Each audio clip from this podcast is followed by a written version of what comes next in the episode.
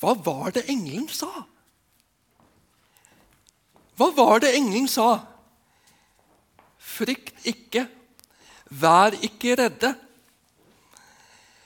Gjeterne på Betlehemsmarkene var ikke vant til å støte på engler akkurat. Dette var annerledes. Dette var merkelig. De var vant til å se hverandre i skitne, slitne klær. Og folka inne i landsbyen fra tid til annen. Men disse de var helt annerledes. Det lyser av dem, rett og slett. Hva er det som skjer?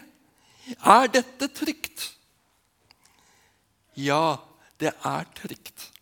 Det er ikke bare trygt, det er fantastisk. Det er en stor ære at dere får et slikt besøk. Dere får nå besøk ifra Guds himmel. Gud sender sine sendebud, sine messengers, til dere.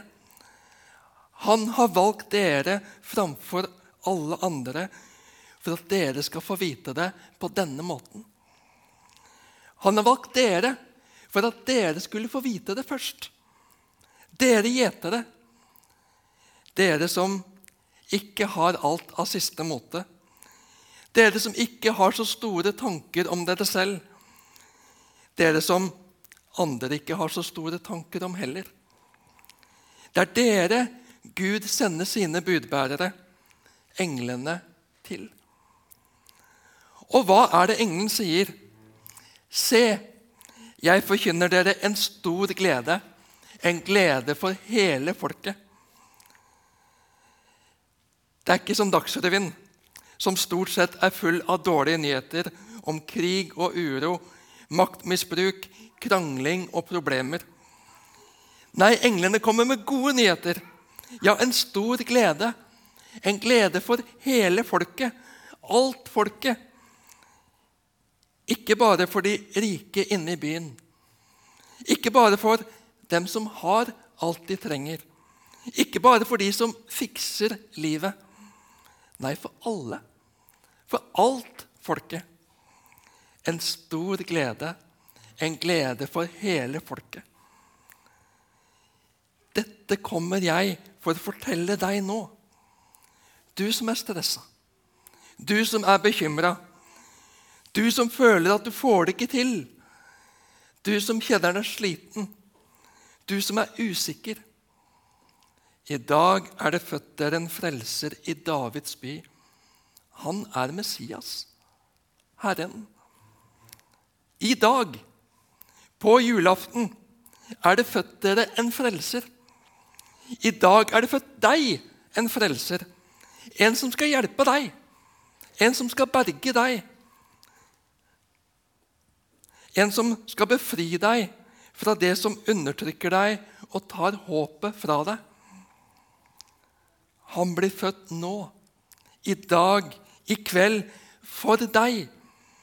For Gud har ikke glemt deg. Gud har ikke forlatt deg. Gud er ikke langt borte og uinteressert. Han orker ikke tanken på at du er fortapt, hjelpeløs og redd. Han vil berge deg. Han vil gi deg håp. Han vil gi deg et helt nytt liv. I dag er det født der en frelser i Davids by. Han er Messias, Herren. Ja, det er han.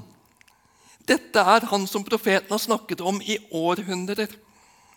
Noen ganger ville dere høre, andre ganger ville dere ikke høre. Noen brydde seg, mange brydde seg ikke. Dere hørte på meg en stund, men dere glemte meg så fort igjen. Men jeg har ikke glemt mitt løfte til deg. Jeg har ikke glemt mitt løfte til dere. Nå er han her. Messias, Frelseren, Herren.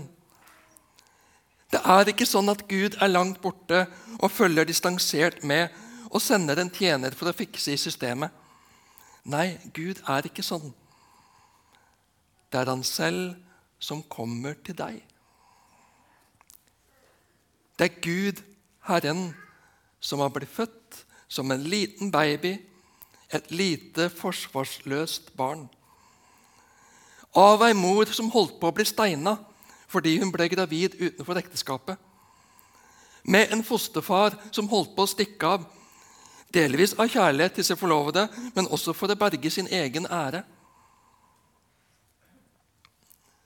Han så det ikke med det samme. Den store, uhørte ære han skulle få oppleve.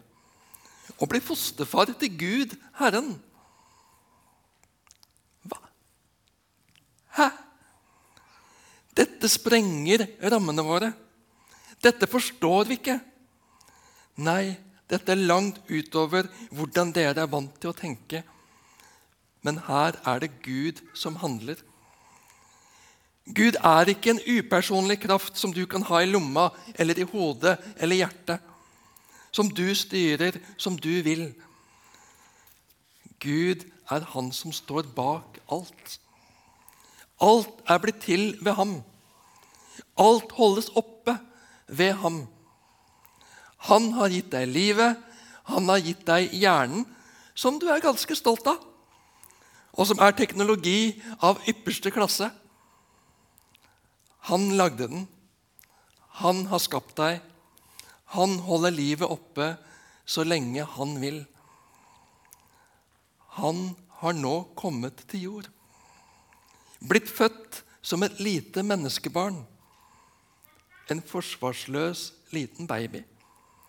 Prisgitt to fattige foreldre.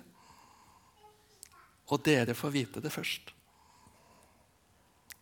Jeg skjønner at dette er vanskelig å fatte og begripe, men dette skal dere ha til tegn.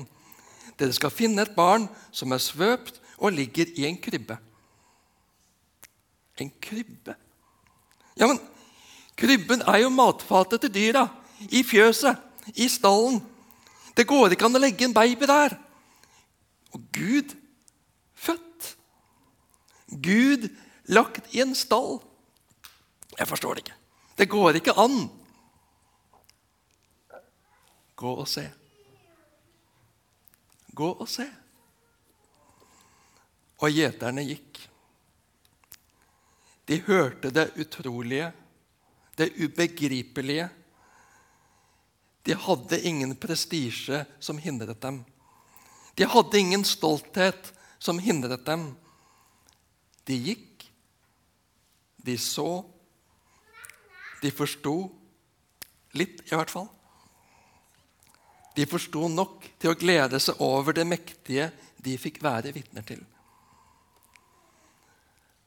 Andre som ikke hadde hørt det hele, andre som ikke hadde fått forklaringa, og som eventuelt bare passerte, så en fattig familie med stusslige rammer rundt fødselen. Stakkars dem. Men gjeterne så. Gjeterne forsto i hvert fall litt. De forsto nok til å glede seg over det store de hadde fått være vitner til. Og de dro tilbake i natten, ut i natten, ut i verden, ut i livet, jublende glade over det de hadde sett og hørt. Alt var slik som det var blitt fortalt dem. Gud holder ord. Gud fikser. Gud frelser. Gud berger, hjelper og redder.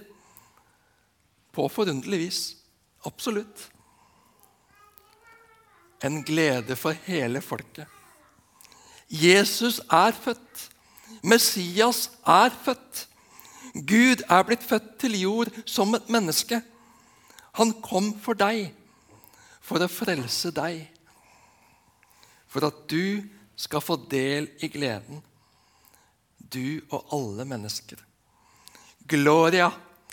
Ære være Gud i det høyeste og fred på jorden blant mennesker Gud har glede i. Amen.